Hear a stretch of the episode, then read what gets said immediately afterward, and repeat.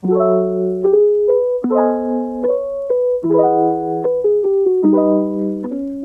kembali lagi ke Iris Prestige. Nama gue Dennis Lubis. You can call me Dennis. And I'll be one of the hosts for this podcast.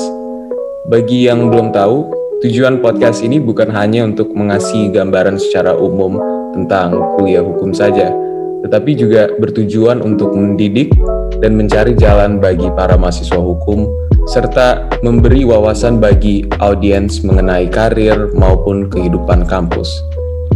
Di samping itu, Fox and Lex juga bertujuan untuk mengeksplorasi keadaan dan situasi di sektor hukum. Bagi para audiens yang ingin tahu lebih lanjut tentang latar belakang, bisa juga ditonton di episode pertama tentang Juris Prestige Introduction di Spotify. Now, without further ado, we have a special guest today. Her name is Rabita Madina. She is from UGM, class of 2017 She started off high school in Darlington Community School, graduated with an honor and cum laude in Universitas Gadjah Mada. And she has also been awarded with the National MAPRES title, which is an achievement that almost all students would like to uh, achieve. And maybe, Rabita, I would like to welcome you to this podcast, and maybe you could give a brief introduction about yourself aside from these achievements? Thank you, Dennis. Uh, hi every, to everyone listening. Uh, my name is Rabita Madina, but you can call me Bita. So basically, like what uh, Dennis have mentioned before, I just graduated from FH UGM batch 2017, and now I work uh, at one of a law firm in Jakarta. So I think that's it for my brief introduction. All right, Bita, that's very nice to hear. Now you're currently in intern, at um, Hadiputranto and, and partners. And what, what sort of? I actually finished my internship program back uh, on June, and ever since then, um, I'm a legal assistant. You're a legal assistant, and what's the job description that uh, of a legal assistant there? Like, so you could shed shed a light on uh, future prospect of, you know, um, law students uh, that um, that wants to um, take that place of yours as well in the future? Um, basically, uh, as a legal assistant, it depends on which practice group you're assigned to. Uh, for me, ever since the start of my internship until now, uh, I started my internship back in January, so uh, now it's it's been like nine months, uh, around ten months ish. Uh, basically, I was assigned to finance practice group. So my work as a legal assistant relates with the field of finance, definitely. Uh, a lot uh, in regards to uh, credit loans, uh, facility agreements.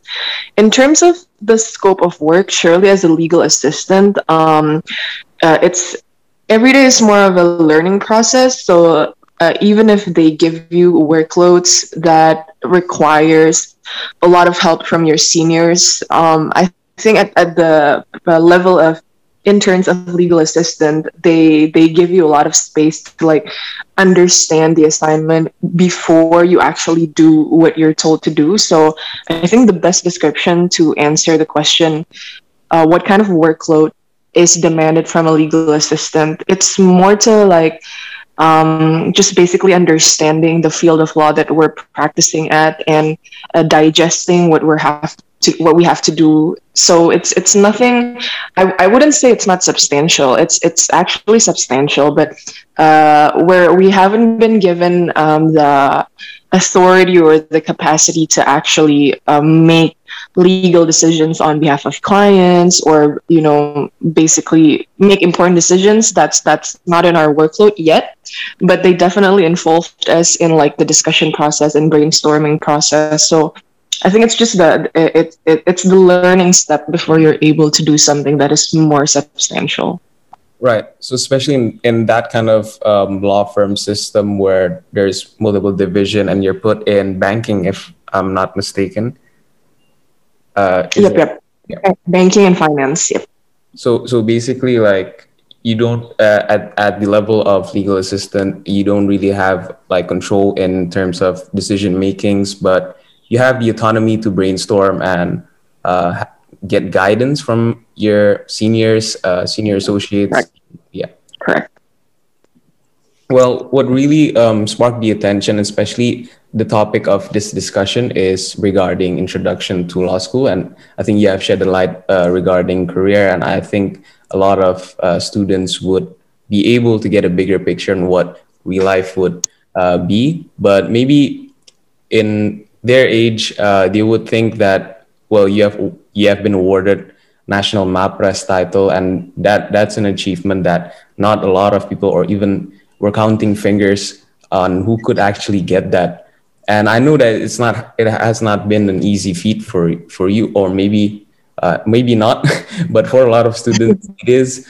Uh, but what does it take to be one in the first place, like in terms of uh, formal requirements or uh, qualifications for it? Yeah, the MAPRES title. Like I, I'm very much aware that um, a lot of law students, especially ever since their first year, you know, some of them actually they aim to get this title by the time they're a third year student because this is the title that is given when when you're uh, sitting at your third year of law school. In regards to how how how I started in the first place.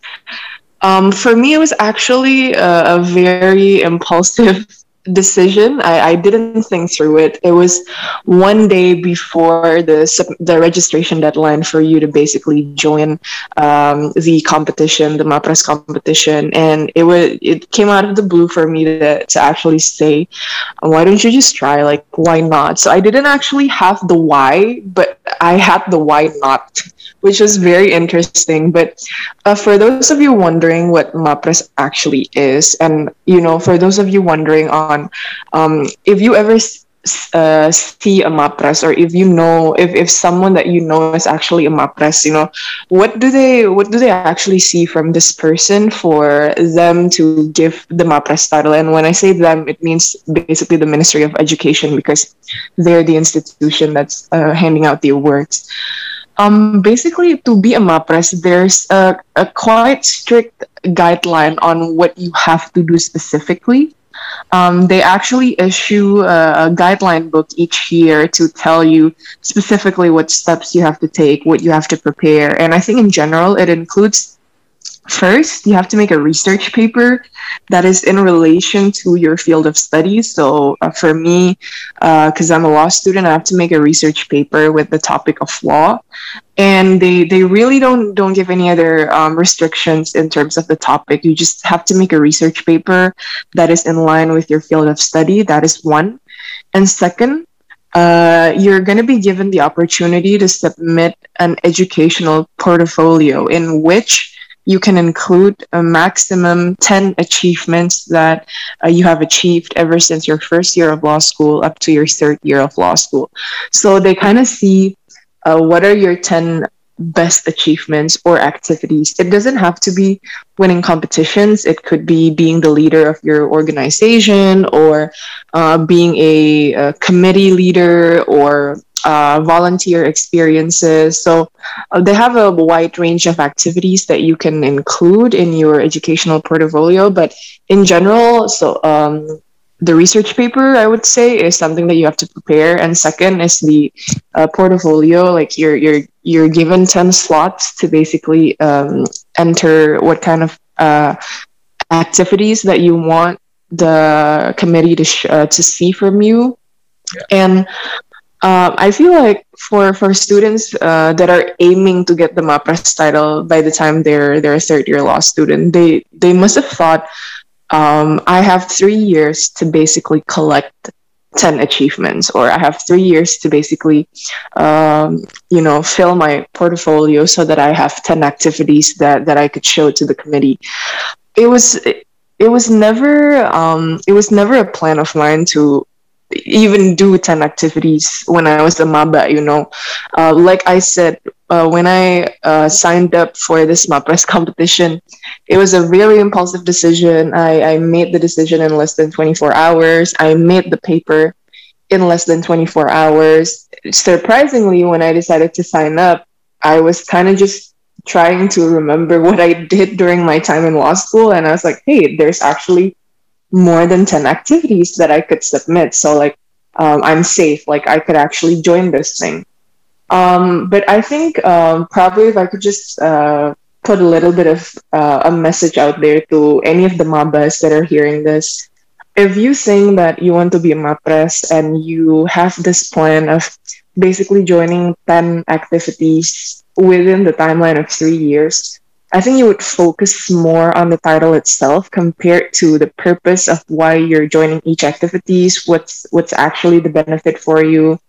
Because I've come across a couple of people uh, that was basically uh, competing against me during during my Mapres journey, and they were basically it, for them it's it's like a counting game, you know. Oh, I have three years to join 10 competitions. You know, considering this timeline, I think I would just join competitions with shorter timelines, competitions with, you know, a lower caliber of participants so that I could just win first place in these, let's say, easy competitions so that I could have 10 achievements by the time I'm going to register for MAPRES. I think that's kind of like the wrong approach to take because if we were to talk about it as law school students, you know, there exist different calibers of competitions that you can join. And I'm not saying that one is better than the other, definitely no. But if we were to compare the timeline, moot court would probably cost you at least four months. Uh, the moot court that I joined was eight months long. Meanwhile, for people in other faculties, maybe they can join, let's say, uh, MUNs or business plan competitions with the timeline of only like one month or two months in compared like in comparison with us um, if we do moot courts we have to spend at least at least like four to six months or possibly eight months.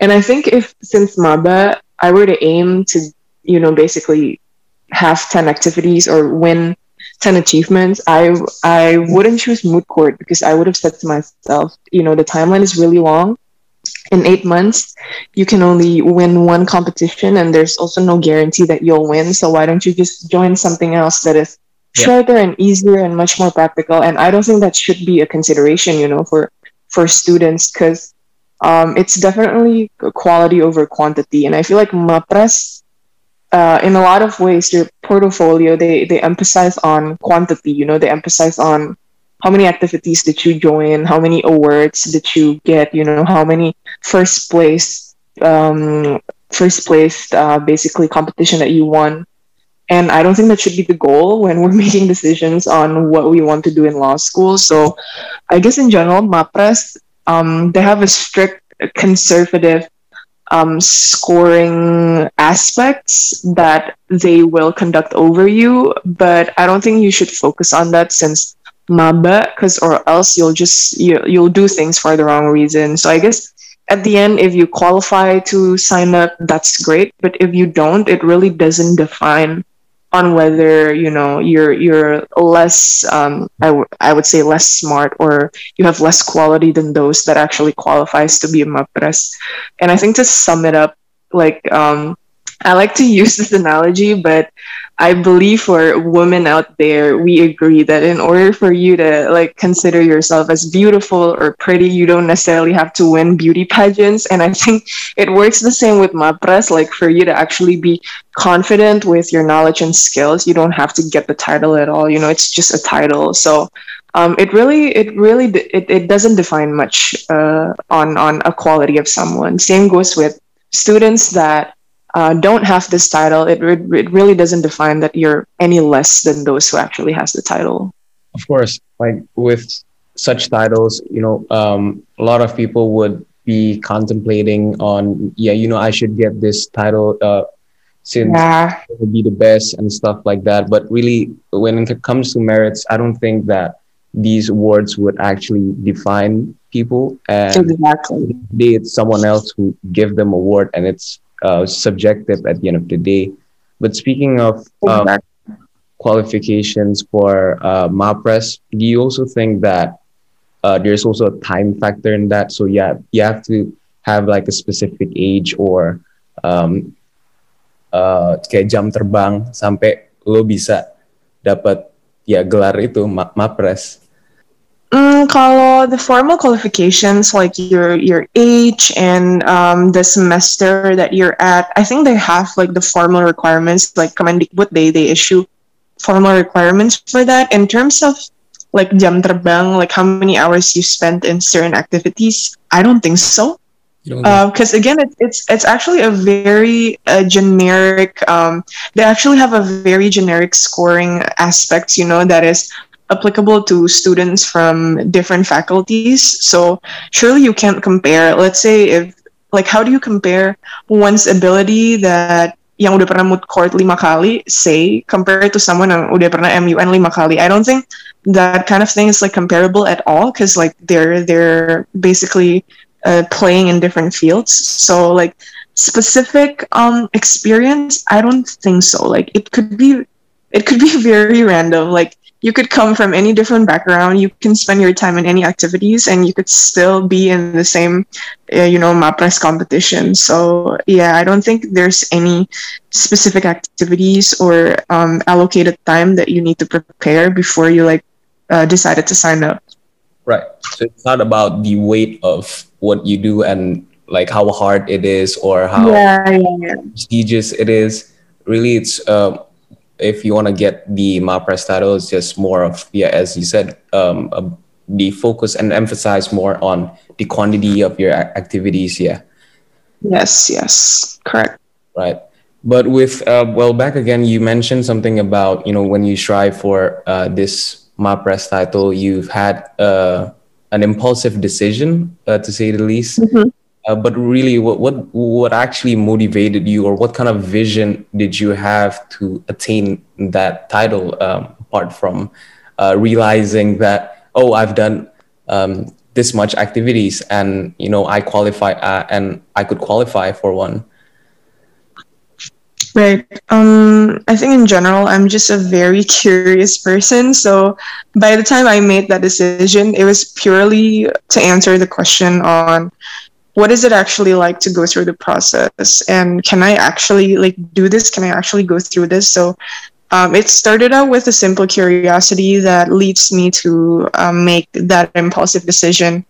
In terms of motivation, surprisingly, I am not a goal oriented person. I'm actually the opposite. You know, when I join competitions, any kind of competitions, moot courts, um, MUNs, or, you know, even the MAPRES competition, I'm never goal oriented in a sense that I never actually set a goal that I have to win first place, that I have to actually win at all, that I have to be top 24 or top 64, that I have to pass the national rounds, that I have to be the best oralist. Um, I'm the opposite of that. I actually I couldn't care less of how it turns out at the end, but what I care uh, first and foremost is basically I always ask myself you know, let's say that I made the decision to join a moot court competition. That is, uh, the timeline is eight months, let's say. I always ask myself, um, how do you see yourself in eight months after you finish this competition? What kind of development would would would you have after eight months of going through this? You know, what is actually the benefit, uh, knowledge-wise, character-wise, connection-wise? Uh, those are the kind of questions that came across my mind before I made a decision. But it's never about can I actually win first place? Can I actually be the best oralist? Oh, previously last year, my senior, he joined the same competition and he's able to win first place. Uh, can I at least be as prestigious as him? Those kind of questions, it, it never came across me because I don't know, I'm just not goal oriented back again. Yeah. So I guess the motivation was more to the fact that um, I think learning process basically in general even after you graduated is is an endless process and there's always something to learn from new experiences. So what keeps me motivated is to basically have the self-consciousness that what i'm doing today is something that i'm not familiar of and if i can get through it today tomorrow i'll be familiar of this. So it's it's more just as simple as that you know knowing that um, whatever it is that I go through today, the process of preparing for this competition, of meeting with my coaches, listening to what they have to say, getting the assignments done, it, it, it basically makes you more equipped the next day for whatever you know whatever uh, circumstances that you're going to face in the future. Um, and like for the the mapres uh, i think out of all competitions that i've joined mapres was definitely uh, it has the longest timeline because um, it was a one year uh, preparation of like nonstop uh, training you know uh, re- revising your paper meeting your coaches listening to the same feedbacks all over again so um, I mean, like I guess mentally, it, it wasn't mentally draining because the the preparation was not as um, intense as like moot court preparations. But I would say there were moments where I felt like it was just very repetitive. You know, um, not not necessarily boring, but just very repetitive. Meeting the same person, listening to the same advice and everything. But I just pushed through it because I couldn't care less about on whether at the end I'll I'll win or not. It's more about you know understanding that if I were to be given feedbacks by my coaches and if I were to get the assignments done the next day, you're just gonna you're gonna move on to the next chapter. You're gonna they're gonna uh, basically discuss new things to improve from yourself. So I guess I just love that day to day process of understanding that whatever it is that I that I can go through today, tomorrow you'll be more equipped. And whatever it is that you can go through tomorrow, the next day you'll be more equipped. And in regards with the result, you know, it's beyond my control. So I'm never goal oriented that way. So I guess that's actually what keeps me motivated. I know that for some people, what keeps them motivated is that maybe they're they're like they're they they have this confidence that they can win, let's say, or they know for sure that um, if they win, it's a prestigious title, or uh, you know, they they might have pressures from their coaches or their surroundings to win that keeps them motivated. For me, it's basically as simple as motivation comes every morning when I wake up, and it ends every night when I go to sleep. And it's just a it's a repetitive process of that specifically. So not a goal oriented person, but just a person that understands that whatever it is that I go through today it'll be something useful for tomorrow. I think that's like a good statement to put it out out there, um, especially like when it comes to uh, competitions and stuff. It can be yep. exhausting, but at the end of the day, it's about the learning process and uh, it's about how you you you, you attain knowledge and like you're gonna apply that in real life and not not just in your academia, but as well and how you interact with other people i think that's like one of the key takeaways from your journey like would yeah yeah definitely right and i'd love to hear that but um, would, would like to have a commercial break uh, for five minutes and for the audiences listening uh, stay tuned and we'll be back this podcast is brought to you by Juris Prestige, one stop for all of your legal knowledge needs, from Indonesian law students for Indonesian law students. Don't forget to give us a follow on Instagram at Juris Prestige. Or if you're interested in becoming a volunteer, send us your inquiry through jurisprestige.id at gmail.com. Hello, back to where we left off. And we have discussed about uh, that all of these achievements and struggles that Bita has also faced in attaining these awards, well, I would like to extend this discussion a bit further, maybe a bit to career, especially that Bita, you are an you are a legal assistant now, so you're already in like within the realm of real life matters and career. Um, I'd like to ask, and maybe this could be this could resonate with a, a lot of students, uh, aspiring practitioners who want to work in a law firm. Um, but I'd like to ask this uh, just to you. Um, what was one of your memorable experience that you know gave you some sort of foundation to your career? Maybe in terms of the skill sets that you learn, not necessarily just uh, merely achievements. Um, what do you What do you think? Okay, so um, basically, the field of law that I am practicing right now is something that was very unfamiliar to me by the time I started working in my current office because um, I am assigned to a finance practice group in which, uh, when I was in UGM, you know, I basically concentrated in public international law, which has nothing to do with the field of work that I am currently doing at this stage of life and further, I didn't take a lot of classes that is, you know, that is related to my field of work right now. So it was very unique and very, um, I would I would say shocking for me because the field of law was just it was something that that I was very unfamiliar of.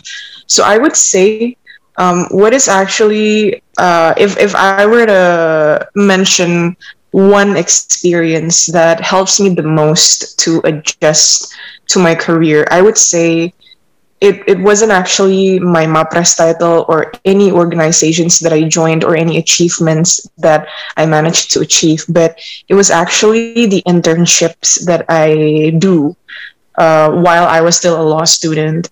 Um, four years of being a law student, I finished four internships, three in law firms and one in the Ministry of Foreign Affairs.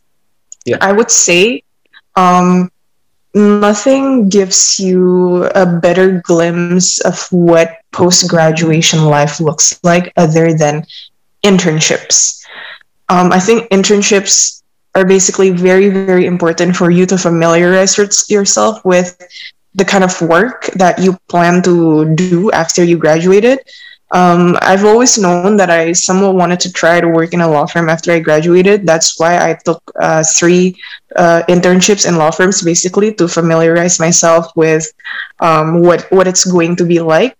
Um, so uh, it, it so happens that my last internship was uh, it was it was uh, the internship that I took that leads me to the extension of contract that allows me to work at my current workplace. So during during my internship time, I I uh, haven't graduated yet back at that time, and uh, I was given a glimpse of what work would, would look like, you know, if after graduation I were to come back to this particular firm.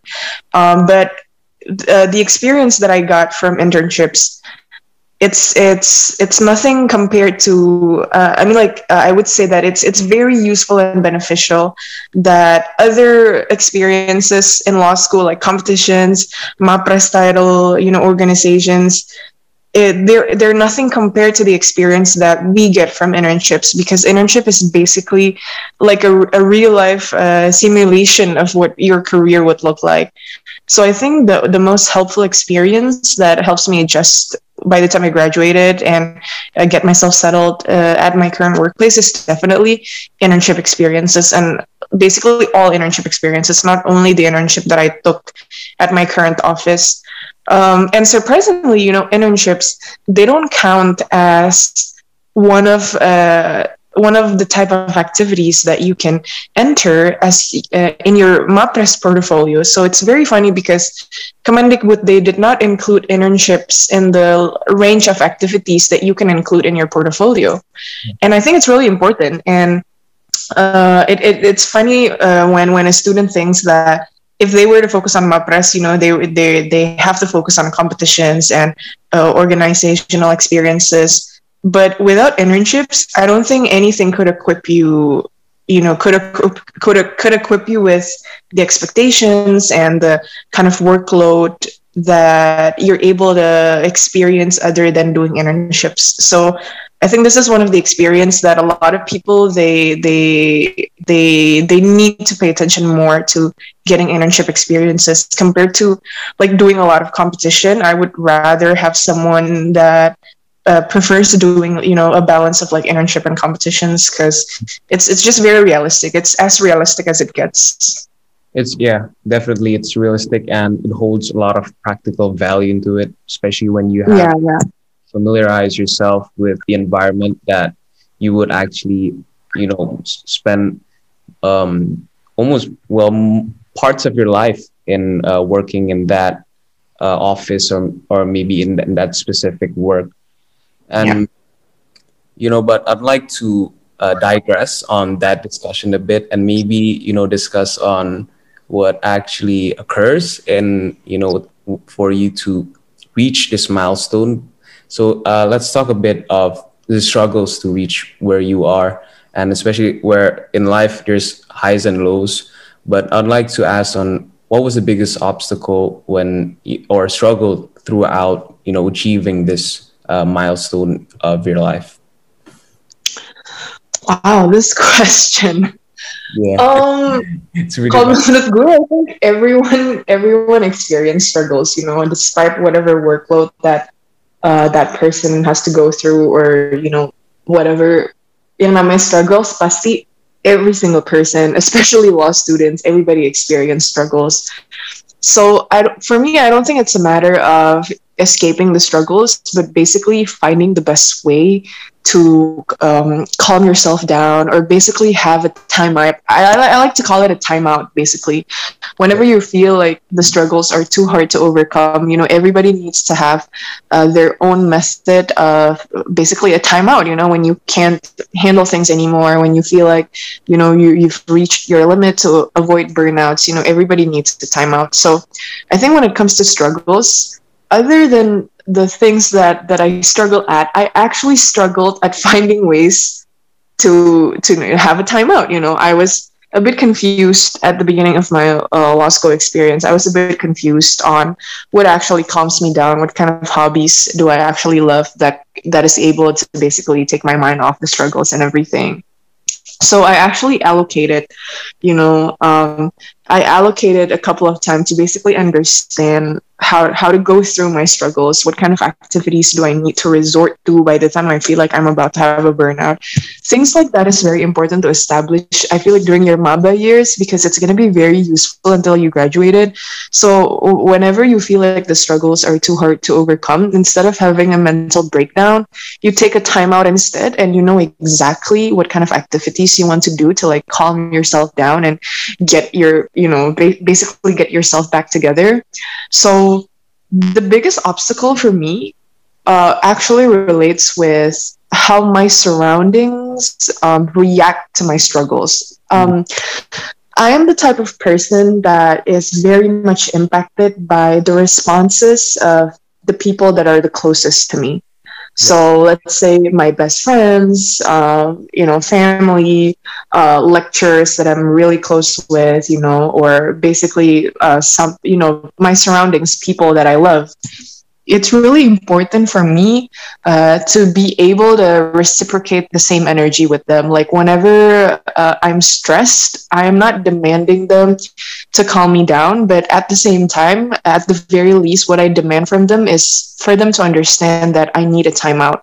You know, for them to understand that if, if, if I need a me time or, or if I need to solve things alone, you know, I don't need them knocking at my front door, excessively asking me, What do you need? Are you okay? You know, I need someone to understand whenever I say, I need a timeout. I'll be fine. You don't have to look for me probably in the next two days and I'll, I'll come back to the surface again.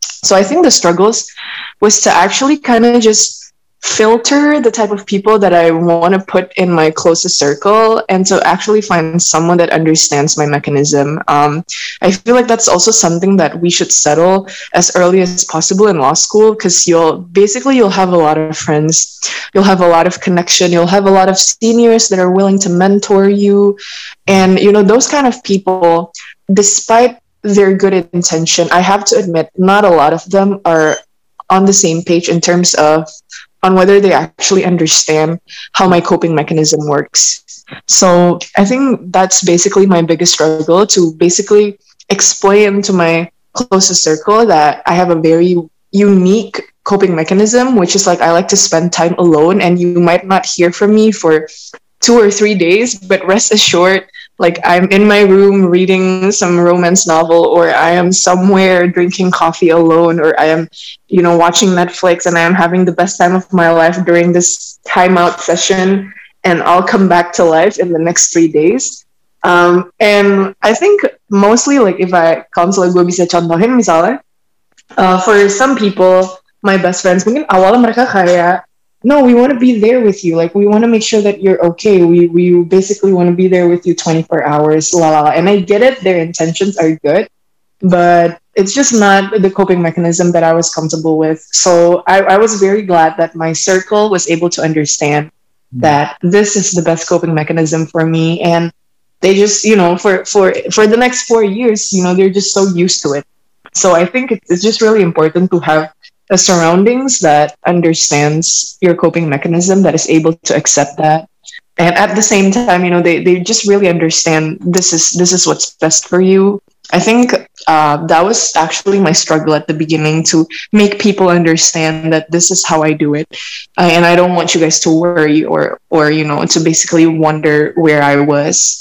So it was more to um, just filtering the kind of people that I want in my life, the kind of people that I want as my um, support mechanism.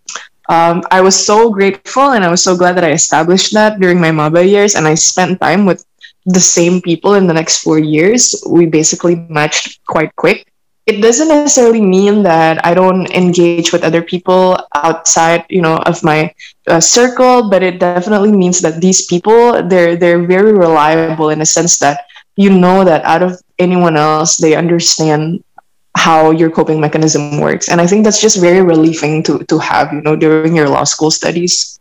Yeah, I think a lot of people would be you know grateful and especially you you'd also be grateful and you know your friends being able to understand you especially exactly. i understand that you have a unique coping mechanism in a way that you need more of a me time and spending time alone uh, a time off from all of uh, these uh, you, you, know as you grind to, to get your achievements or to get a milestone on where you are. Well, that was really a deep discussion, and I hope that a lot of people would learn from your experiences and the motivational talks that we have uh, relayed. I think a lot of people would resonate with with this, and a lot of people would actually have a glimpse of um, what what's it actually like, uh, especially uh, in in your position as well. And you know, I think we, we had a really deep discussion and out, uh, we were about to close this uh, podcast, but I would like to um, give the opportunity to you, Bita, if you would like to give any sort of advices to students um, in law uh, in law school, maybe freshmen and even graduates to uh, to maybe excel like you or just to be where you are and what what you've learned. What would you like to give uh, advices towards them? Um, interesting question. I mean, like to excel like me, I, I don't think at this point. Um, I mean, like um, I understand if if several law school students they they like to basically have this one specific role models that are their seniors in law school as as you know basically sebagai patokan gitu ya kayak if this person has done this maybe I could do it as well. But I think um, maybe this is just something that I'd like to share with people that I keep on telling myself ever since I was a MABA. I think it's, it's just really important to understand that you know ego ego has no place in your educational journey. Um, ego will lead you nowhere. Ego is uh, if, if you actually give space for your ego to take control over you, this is when you feel like there's a limit to learning. Um, there are criticism or advices that you should dodge. Basically, I think yeah, just in general, I feel like ego has no place in your educational journey. And um, no matter how good you are at school for four years, no matter how good you are at this one moot court that you managed to win, um, I don't overclaim yourself in a sense that, you know, in life, I feel like um, it goes up and down and it, it should go up and down you know the the you, you know that you're in the in the right track when when everything feels like it goes up and down. So um, I feel like um, it's just an endless journey of you know getting what you want. And then right after that it starts again from zero. Uh, so even after you've won something even after you get the MAPRES title even after you get you know you you won as the best oralist of any moot court competition it's something for you to enjoy for one day. And then the next day you just start from zero. Um, say that I've been doing international criminal court for three years as a delegate and as a coach. I, I wouldn't call myself an ICC expert. I'm still far from there. I would say that, you know, in the past three years, I specialize in ICC, meaning that uh, I've been learning ICC endlessly. But like to actually claim myself as an expert in one thing, you know, as an expert in one field of law, just from my four years of experience in law school, I feel like that's actually the kind of ego that'll limit you to um, develop even more. So just be conscious that there's always something to improve and it, there's still a long journey ahead so just keep the humility inside of you and yeah just do just do not do not give space to ego you know because basically that's that's the exact thing that'll uh, stop you from from learning that's the exact thing that'll boost your confidence too much to to think that you already know everything and there's nothing else to learn. I feel like that's the most dangerous mindset that you can have as a student. And it also applies after, you know, you graduated when you try to find a career and you feel like you have a pretty nice um, record while you're in school. You know, even as a MAPRES, I feel like I had to start from zero. And like I was happy that I had to start from zero, meaning that I could start fresh and I could basically learn everything. I, am given like a, a blank canvas to start over again, and it's another learning process from there. So yeah, I think it's just it's a it's a healthy thing to remember that whatever it is that um, you're blessed enough to experience today, good or bad, tomorrow you start again from zero. Um, I'm a huge fan of American football, and one of my favorite player, Jalen Hurts, he basically said, you know, even for someone like him that's like really good at football, he always has the principle that rent is due every day. And I, I completely agree with that. Like I, I live by that motto every day that rent is due every day, you know, whatever it is that you have achieved yesterday you know t- today you wake up you know and then you just have to pay rent again so you know proving yourself and doing the best of yourselves you know and learning it's it's something that that that basically recycles every 24 hours so yeah i think uh, that's basically what what i want to share with people. Don't don't put space uh, don't put any space for ego to take place in your educational journey because that's when you actually would have the mindset that there's nothing else to learn that you already know everything and i think that's just very dangerous you know? Yeah i think that's actually a good remark um, as you mentioned about you know just learn the best out of yourself you know um, and contain your ego because sometimes ego could like hold you back and um, uh, your uh, someone's path in doing uh, their life uh, in their career as well. You know what sometimes people get caught up and lose track on what they actually want to do just because that they have to prove something to other people. And i don't exactly. think that that is a healthy mindset. And really just just about working uh, for yourself and yeah for the other people that you actually care about and i think like your image uh, to your presentation to other people is much more important than than uh, these achievements, I guess. But anyways, Bita, thank you so much for tuning in to our podcast. And pleasure. It's a pleasure. And for the audiences, please tune in to our social media. And next week we would have another podcast. We'll still on the topic of introduction to law school. Thank you.